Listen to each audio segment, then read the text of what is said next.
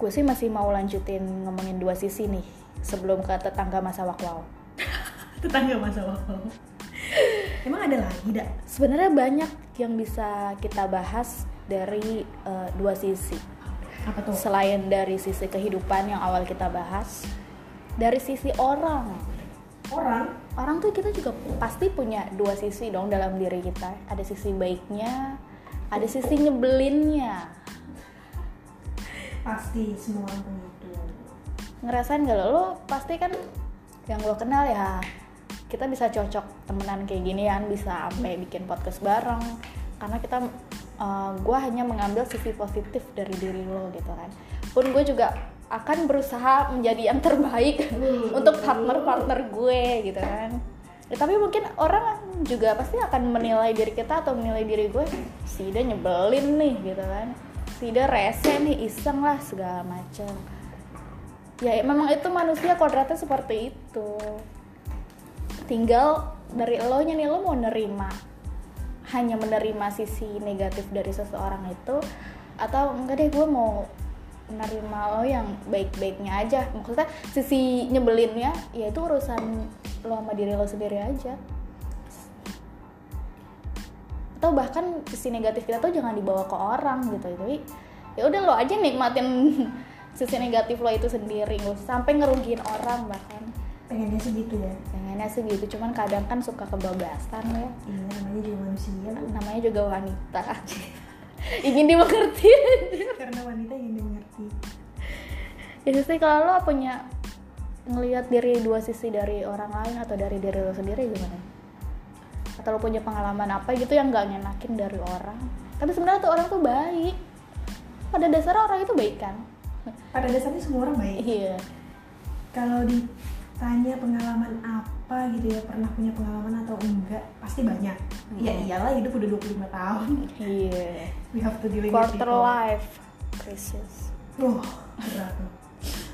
Quarter life-nya sih oke ya, krisisnya ini jangan. Iya. Jangan. Tapi semua orang pasti bakalan ngalamin itu sih. Mm-mm.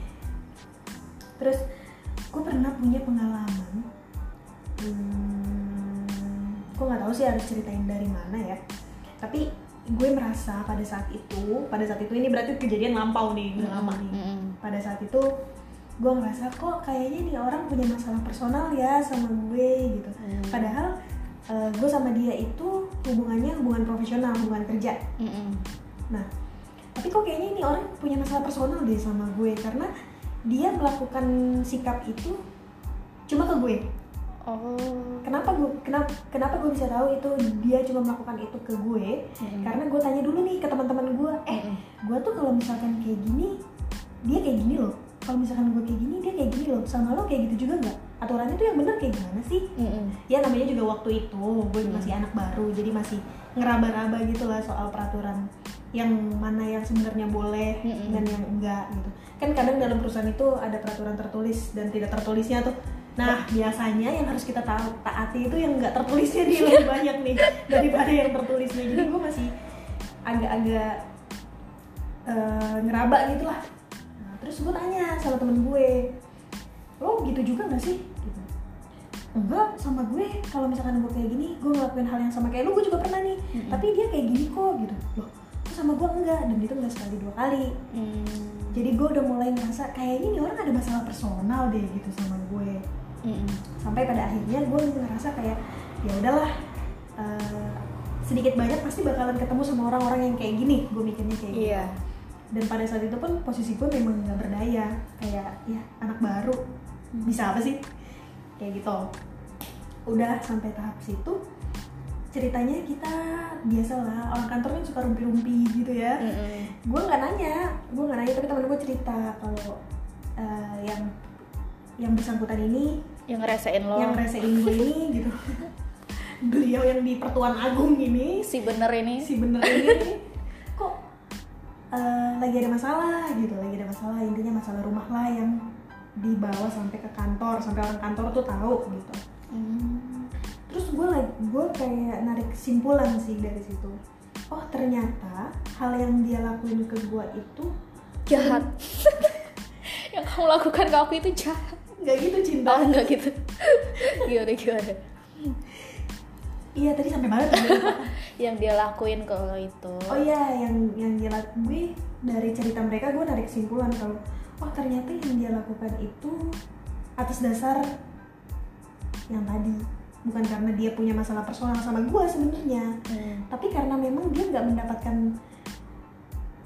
ada hal-hal yang tidak tercukupi gitu di dalam dirinya dia di Hmm. dalam uh, lingkungannya dia di Hmm. dalam keluarganya dia Hmm. yang bikin dia tuh bersikap seolah seperti semena-mena padahal kayaknya sih enggak ya mungkin gue aja yang baper atau gimana dan gue yakin sih dari kejadian itu pada dasarnya semua orang itu baik Mm-mm. Dan dia juga cuma manusia biasa ya, ya yang bisa salah juga sama kayak kita. Hmm.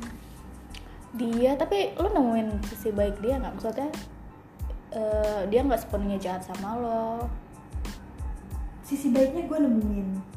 Tapi gue nggak tahu ini sisi baik atau memang itu sekedar kewajibannya dia ya. Mm. karena selama ini sih eh, di luar hal-hal yang emang dia ngerasain gue gitu dia masih tetap ngajakin gue bercanda ngobrol layaknya rekan kerja aja kayak Hmm. gitu cuma memang ada hal-hal tertentu yang ih kok rese banget gitu. Hmm. tapi hal itu gue toleransi dengan oh ya dia kayak gitu karena ada masalah di rumah. Ada masalah di rumah karena dia kayak gitu. Pokoknya ada dasarnya ada alasannya gitu. Yang bikin gue tuh oh ya udahlah nggak apa-apa kasihan. Oh. Apa lo nyebaper? Enggak atau mungkin gue aja yang baper gue nggak tahu situnya Iya sih, iya sih. Jadi memang kayaknya kita kalau di kantor sama di rumah tuh beda nggak sih? Jadi pribadi yang beda. iya beda banget Ya kalau di rumah gue sebagai anak, di kantor kita sebagai karyawan, sebagai teman buat yang lain, sebagai rekan buat yang lain, ya emang beda sih. Teman-teman gue juga eh, gue yakin mereka di rumah akan berbeda dengan di kantor. Misalnya di rumah, di kantor tuh ternyata dia tuh nyebelin banget gitu. Banyak lah Hmm. teman-teman gue yang nyebelin cowok-cowok begundal itu kan. Gue menyebut mereka begundal ya emang begundal rese banget. Pokoknya eh, sangat rese gitu. Atau bahkan suka iseng sama orang atau gimana. Cuman kalau balik lagi dia di rumah dia eh, menjadi seorang ayah menjadi orang tua yang ternyata ya ampun so sweet banget sama anaknya gitu. Pasti emang sih tiap kita harus bisa narok peran kita tuh ada di mana sekarang gitu kan. Kalau misalnya nggak tahu ya kalau misalnya gue sih sama aja di rumah mau di kantor kayak gitu. Kantor cuma bedanya di rumah gue nggak dandan. Di kantor kita harus dandan banget kan harus cantik banget supaya gue bisa ngeceng. Atau gue supaya bisa cantik di foto gitu. Kayak gitu. Terus ya ada juga sih kalau temen gue malah hmm, sebelum pekerjaan dia sekarang dijalani sekarang kan dia teman gue ini guru ya. Mm. Ya memang itu itu lagi itu pasti dia uh, harus punya dua sisi. Dia di rumah dan sisi dia sebagai seorang guru yang um, memang harus dicontoh banget sama anak-anak muridnya. Jadi kalau misalnya dia kayak gitu uh, kalau kayak gitu sekarang sih ya nggak apa-apa. Ya dari zaman kuliah gue temenan sama dia itu kayaknya tuh beda banget nih orang. Nih orang kalau misalnya lagi main sama gue gitu sama teman-teman terdekat ini kok orang alay banget ya? Gitu. Maksudnya dia bisa menjadi diri dia sendiri seutuhnya. Dan kita pun bisa menerima dia apa adanya gitu kan. Bisa menerima kebaikan dia dan kekurangan dia. Kebanyolan dia yang namanya kita berteman ya pasti kan eh, ada sisi kegokilan atau kegilaan dalam diri kita yang memang itu kita bisa terima satu sama lain gitu. Tapi tuh kalau misalnya di kampus gitu ya lagi belajar atau lagi kehidupan sehari-harinya dia lah itu tuh beda banget kayak pencitraan banget gitu. Terus gue sih nggak masalah ya maksudnya ya itu urusan lo gitu. Mungkin lo harus punya image yang bagus di depan orang-orang gitu. Tapi maksudnya ini tuh eh, jadi ini bu bukan gue ngomongin orang atau gimana tapi inilah apa dua sisi dari eh, manusia yang emang Mhm, pada dasarnya kita selalu pakai topeng ke mana-mana iya bener kita hidup ini penuh dengan sandiwara apalagi di media sosial ya. Waduh. Itu kayaknya seneng orang seneng semua. Iya. Kalau di media sosial lu tipe orang yang kayak gimana dah apa adanya aja sih gue. Apa adanya? Gitu ya apa adanya aja maksudnya ya emang sih kita kan pastinya kalau misalnya mau ngepost foto atau Hmm. video pasti kita pilih yang kita ya bagus dong berarti lu gak peduli sama personal branding ya? Personal branding tuh gitu personal branding kayak oh. Eh, misalnya di media, media sosial nih lu pengen dikenal sebagai orang yang apa nih? Yang Oh. produktif kah? Hmm. orang yang suka traveling kah? Hmm. atau orang yang menghasilkan banyak cuan dari podcast kah? Enggak sih biasa aja. Yang penting ya kalau misalnya kita Mhm. uh, ngepost foto atau video ya memang yang kitanya bagus gitu kan. Pasti lo juga kayak gitu Oh, dong.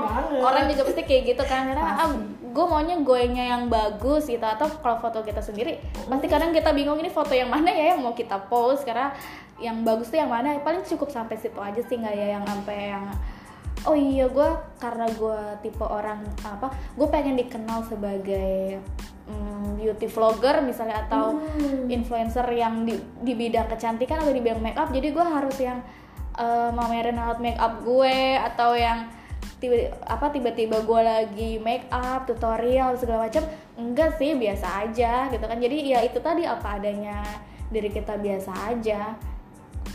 Ya itu tadi sih balik ke dua sisi kehidupan manusia. Betul ah iya gue juga punya cerita lagi nih soal yang di media sosial Hmm. kalau lo kan nampilin ya udah memang gue kegiatan-kegiatan kita sehari Iya. aja gitu ya Mm-mm. entah itu orang nganggapnya produktif atau orang nganggapnya eh, hidup kita enak tapi memang itu yang kita jalanin sehari-hari Mm-mm. ada aduh ngomongin orang sih dia Gak apa-apa jadi gue tahu gitu ya hmm, dia tuh kayak nggak nggak ya untuk intelektualitasnya biasa aja gitu. Hmm. cuma kalau di media sosial nih dia sering banget ngebahas hal-hal yang isu terkini gitu. Misal saat ini isu terkininya tuh lagi apa sih? Ekonomi ekonomi gitu. Ntar dia eh, mendadak jadi peneliti ekonomi. Waduh. Tapi em, kita tahu nih gue tahu gitu sebenarnya waktu sekolah dulu kayaknya lu nggak gitu. Kayaknya lu eh, kapasitas lu belum sampai sini kayaknya otak lu cuma separuh deh. Kok kenapa lu tiba-tiba sekarang jadi peduli sama isu yang ada isu sosial saat ini gitu? Em, ini gue yang salah atau dia memang mengalami perkembangan yang pesat? Gue juga nggak tahu. Atau emang lo nya kali yang sirik iya gitu? gue kali ya gue udah pinter lo nya kali yang sirik. Kalau aja masih stuck di situ aja gitu bisa jadi kayak gitu sih. Iya banyak banget. Bahkan ngomongin dua sisi lagi banyak itu tadi kan apa yang kita mau kadang nggak sesuai sama yang terjadi gitu. Apa yang yang ditakdirkan. Apa yang kita mau? Aduh langsung penting nih karena gue mikir jujur otak gue langsung gak nyampe. Pasti lo juga pernah merasakan kayak gue pengen jadi astronot jadi astronot misalnya tapi tuh Allah ngasihnya gue kayak gini aja gitu. Kadang lo pernah ngerasa sedih gak sih sama kehidupan lo yang sekarang? Kenapa gue gini-gini aja? Kenapa orang lain udah bisa sampai sana? Kenapa gue masih berjalan aja? Ngerasa sedih. Pernah ngalamin sesuatu yang tek oh iya ternyata gue belum dikasih karena emang nanti Oh. ada itu yang terbaik buat gue gitu. Ngerasa sedih pernah sih terpukul banget. Jadi ini cerita lagi. Dengerin ya anak-anak ya saya mau cerita. Cerita lagi nih soal kehidupan yang gini-gini aja. Sebelumnya gue juga udah pernah cerita ya di podcast ini kalau gue pernah nganggur selama enam bulan dan itu sangat-sangat stressful banget. Siapa sih yang gak stres 6 bulan gak ada kerjaan? Hmm. untuk orang-orang yang biasa kerja gitu. Terus adalah nih satu momen di mana gue interview. Gue kan interview memang sudah banyak banyak deh.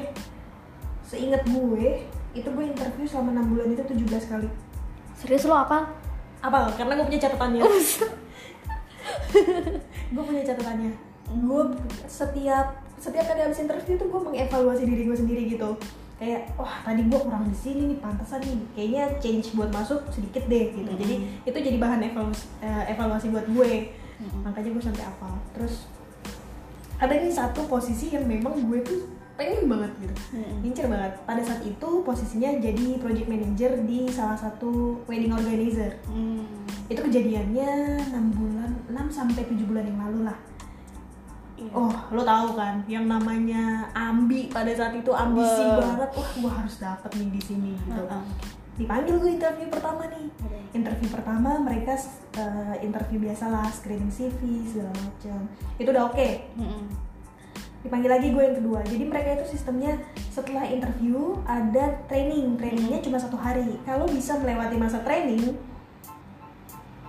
eh, langsung kontrak kerja Hmm. per enam bulan gitu Iya. nah gue sampai tahap ke yang training Mhm. waktu itu karena wedding organizer itu kan setiap acara harus siapnya malam ya jadi paginya tuh dipakai Oh, ha-ha. jam 10 malam gue ke daerah Depok Lu jam 10 malam lu kerja. Gua kira lu trainingnya di kantor, enggak? enggak trainingnya Langsung di lapangan. Iya langsung ke lapangan gitu. Trainingnya Oh. langsung ke lapangan jam 10 malam lo bayangin di daerah Depok rumah gue di Bekasi. Hmm. Sengotot apa gue pada saat itu kan? Mm-mm. Terus gue juga berdoa nih, gue berdoa yang dianjurkan sama agama gue lah. Mm-mm. Gue berdoa sholat duha, gue tahajud, gue sembuh terus tuh, gue sembuh terus tuh. Terus sampai pada akhirnya pas training, kayaknya sih ini kesalahan gue di sini ya. Ditanya, yo, kamu bisa bikin pita nggak? Karena jujur gue belum pernah bikin pita, apa ngehias bangku terus kita pitain itu gue belum pernah. Ya yang saat itu yang gue bilang ya cuma nggak bisa kak. Kayaknya sih itu yang bikin gue gagal gitu. Kayaknya, cuma gue mas itu gue sadari setelah gue kerja di sini, kerja di tempat gue yang sekarang Mm-mm.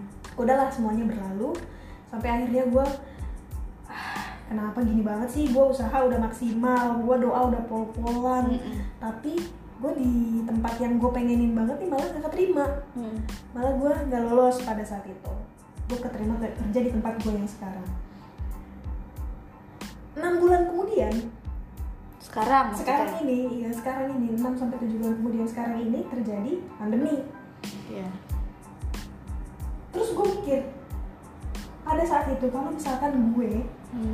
keterima kerja di tempat itu yang Notabene. industrinya ya notabene-nya atau industrinya itu industri wedding Wedding. organizer gitu kan Mm-mm. mungkin sekarang gue udah jadi pengangguran lagi cuy Oh. Iya ya. mungkin Hmm. Jadi emang bener tuh Allah ngasih yang terbaik buat kita gitu ya. ya jadi kalau misalkan speechless gue gue split gue speechless Bener-bener sebenernya. banget sih. kalau ngomongin masalah doa memang gak ada habisnya. Iya kita udah berdoa. Dan tiap hari bahkan berdoa, usaha, usaha. Bahkan udah ngelakuin yang terbaik. tapi kan gak diijabah sedih ya. Iya. manusiawi dong Sebenarnya bukan gak dijawab tapi memang udah deh lo tuh ya ke sini aja itu yang terbaik buat lo buktinya sekarang yang sebelumnya lo cerita Orderan lo baik banget kan malah jadinya. Malah jadinya ya memang gue dikasih yang terbaik bukan apa yang gue mau tapi Iya apa yang terbaik buat gue. Lu pernah gak sih ada di momen itu? Ya pernah pasti. Cuman gimana? Apalagi masih dalam zaman zaman kuliah gue tuh sering banget apa zaman zaman kita struggle banget ya itu masa-masa kuliah masa-masa SMA Betul. itu tuh eh, hampir lah supaya gue berdoa terus kayak waktu masih SMA gue berdoa terus supaya gue bisa masuk eh, kuliah di negeri gitu maksudnya Iya. lolos SNMPTN gitu kan siapa sih yang nggak pengen karena jujur gue masuk kuliah eh masuk sekolah itu gue nggak pernah tes dari SD ya kan emang gak pakai tes kan Hmm. SD ke SMP orang-orang pada tes gue bisa masuk ke jalur tanpa tes Wede. Ini lagi bangun citra enggak enggak enggak enggak anak-anak pinter guys.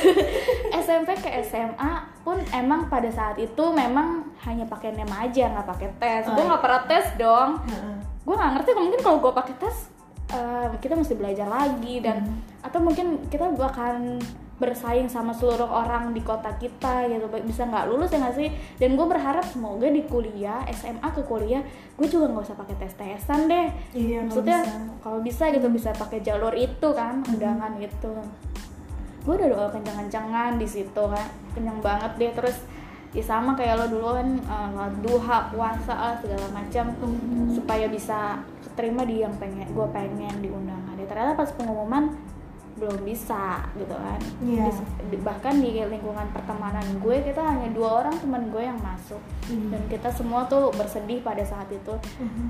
pada saat itu gue lagi latihan besoknya gue mau lomba pada jadi bayangin mood gue di hari Hmm. pas lagi pada saat gladi itu kayak gimana Tapi teman lo yang dua masuk itu saat lo bersedih apa yang mereka lakukan? dia bahkan dia mau sujud syukur eh, nggak tahu kiblatnya di mana kalau menurut gue ya nggak apa-apa sih kalau sujud syukur doang ternyata nggak apa-apa mau kiblatnya ke arah mana Ah. jadi dia mau dia mau sujud kayak aduh gue nggak tahu nih kiblatnya di mana Kepikiran ya? kepikiran jadi kayak akhirnya dia ya udah nggak apa-apa sujud aja nggak apa bersyukur gitu kan Ah, Terus lomba lo gimana tuh jadi? ternyata gue menang men juara tiga Wow. ternyata pas sampai rumah tuh gue hancur banget kan gue sakit hati banget gue bilang ke nyokap gue mah aku nggak lolos gitu Hmm, cuman nyokap gue bilang ya udah masih ada kesempatan lagi. Ya ma aku harus tes dong. Aku harus belajar lagi dong. Kayak gitu kan. Pada- sedangkan pada saat itu gue anak IPS ya. Mhm. gue nggak kursus. Jadi lo mikir apaan sih IPS yang mau lo kursusin? Ya gak sih? Lo iya tinggal baca. Se- kalau menurut menurut gue ya maksudnya eh, lo tinggal baca lo pahamin atau lo baca artikel lain udah. Maksudnya itu selesai lo bisa kuasain gitu daripada emang kalau misalnya IPA kalaupun gue jadi anak IPA pun me- memang gue harus kursus mungkin atau belajar kepada yang lebih ahli karena kan emang lebih susah. Lo anak IPS apa sih yang mau kursusin Hmm, kayak gitu ya kalau tanggapan gue ya. Anak IPA tuh biasa kalau les pun otaknya kosong. karena gue waktu itu di IPS pun gue ngerasa ya udah lo tinggal baca aja yang penting. Akhirnya gue praktekin akhirnya gue uh, konsultasi sama teman gue yang lulus ini. Hmm. lu gimana sih uh, Caranya? caranya supaya lolos kira dia um, tips-tips berdoanya dia dia kasih ke gue. Gue nggak cuma doain diri gue doang ndak gitu. Terus gue doain teman-teman gue juga katanya. Jadi kalau kita berdoa tuh jangan pakai saya tapi kami gitu. ya Allah semoga kami bisa lulus UN ya Allah semoga kami bisa dapetin apa yang kita mau gitu. Jadi lo nggak boleh egois lo doain diri lo sendiri tapi lo juga lo harus doain teman-teman dia dia ngomong kayak gitu aku mikir eh, iya juga ya. Maksudnya kan yang yang gue pengen pada saat itu kan bukan cuma gue doang. Yang pengen masuk undangan kan bukan cuma gue doang banyak gitu. Siapa teman lu siapa namanya? Gue jadi pengen temenan tuh. Temen dan nikah. Baik banget, tulus banget kayaknya orangnya. banget terus padahal gue sering berantem loh sama dia. Anda orangnya nyebelin banget kan gue sering berantem sampai akhirnya gue bilang kok lu bisa, bisa kayak gitu? Sih tips lo apa? Ternyata itu tadi kan ternyata di balik sisi nyebelinnya dia. Ternyata orangnya tulus sekali. tulus sekali bahkan dia mendoakan gue gitu kan mendoakan gue yang sering ngomelin dia gitu. Kayak gitu terus gue mikir iya juga ya mulai pada saat itu gue ikutin apa kata dia dan gue mulai belajar hmm, ya udahlah yang terbaik aja. Memang kita harus minta yang terbaik bukan apa yang kita inginkan gue akhirnya ikut tes lagi di salah satu kampus swasta. Itu gue ditolak juga. Tapi gue mikir tau gue udah dua kali ikut Kampus seleksi swasta. kampus swasta dan itu dia menolak gue gitu Gimana harga diri lo udah? iya. Terus buset gue kenapa ya ditolak lagi? Mah aku ditolak lagi aku udah dua kali nih gitu. Ditolak terus. Gitu. Ya udah sabar emang bukan tempat kamu di situ kata nyokap gue gitu. Iya juga sih gue langsung kepikiran temen gue lagi akhirnya ya udah minta kasih yang terbaik aja. Gue mulai Hmm. ikhlas Em, terserah Allah mau kasih ke gue kayak gimana gitu yang dan emang pada saat itu akhirnya tes berlanjut dan tesnya tuh pada hari ulang tahun gue pada saat itu. Wah. jadi pada saat oh, itu hari itu gue lagi ulang tahun gue cuma minta ya ini semoga kado terindah buat gue gitu kan. Ya udah gue kerjain ternyata pengumuman alhamdulillah diterima gitu kan. Walaupun pada saat akses akses gue buat tahu gue diterima atau enggak tuh susah loh. Pada saat itu traffic lagi kan on- online ya? Iya. traffic Downnya. mm-mm, trafficnya itu sangat-sangat susah sampai kata temen gue sini deh dah gue liatin. Enggak. Gue malu ntar kalau gue nggak ditolak lagi. Biar gue aja yang tahu dan gue aja yang menikmati gitu gitu. Tapi ternyata bisa eh, apa gue akses juga dan gue tahu emang rasanya senang banget. Yang memang bukan di kampus yang gue pengen pada saat itu tapi di pilihan kedua yang gue sekampus sama lo ini kan. Jadi ya udah eh, itu yang terbaik. Em, pada saat itu sih emang gue mulai menyadari memang Allah sih kayaknya ngasih yang terbaik buat diri kita bukan apa yang kita pengen. Itu. dan bahkan pada saat selanjutnya kita menjalani masa-masa kuliah gue selalu berdoa eh, semoga em, bukan dimudahkan ya tapi kita tuh jangan minta berdoa buat dimudahkan kalau kata gue dapat pelajaran lagi. Apa tuh? jangan minta kita supaya dimudahkan tapi minta kita tuh mm, minta ma- sama Allah supaya kita tuh dikuatkan buat ngejalanin ini semua. Wow. jadi supaya kita bisa jadi pribadi yang tangguh yang kuat. Kalau misalnya lo dikasih gampangnya mulu ya udah hidup lo gitu-gitu aja gitu kan. Tapi kalau misalnya lo dikasih cobaan kerikil lo minta dikasih kekuatan bisa ngelewatin itu semua. Berarti kan lo bakal ngerasa sekarang udah 2020 gue bisa ngelewatin itu semua gitu. Dari 2012 pada saat itu 2016 lulus kan sampai sekarang. Soal kerjaan juga gue emang belum dikasih apa yang gue pengen gitu apa yang gue Hmm. mau. Cuman di satu sisi gue ditunjukin lagi itu loh kalau lo di uh, jalanin profesi itu gitu. Mhm. lo bakal kayak gini juga sekarang gitu. Lo bakal susah juga sekarang ya ditunjukin aja kayak gitu. Iya juga ya kalau lagi ditunjukin lagi oh iya kalau gue dulu di sana mungkin gue akan jadi apa gue juga nggak tahu gitu. Maksudnya nggak nggak se uh, aman sekarang gitu.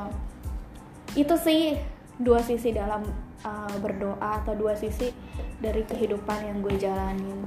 Ya mo- semoga teman-teman hmm, teman-teman yang dengerin bisa ngelihat bahwa hidup yang kita jalanin sekarang tuh coba lo cari sisi lainnya bukannya mengarah ke toxic positivity ya ada tuh Oh, iya, orang ada. bilang Hmm.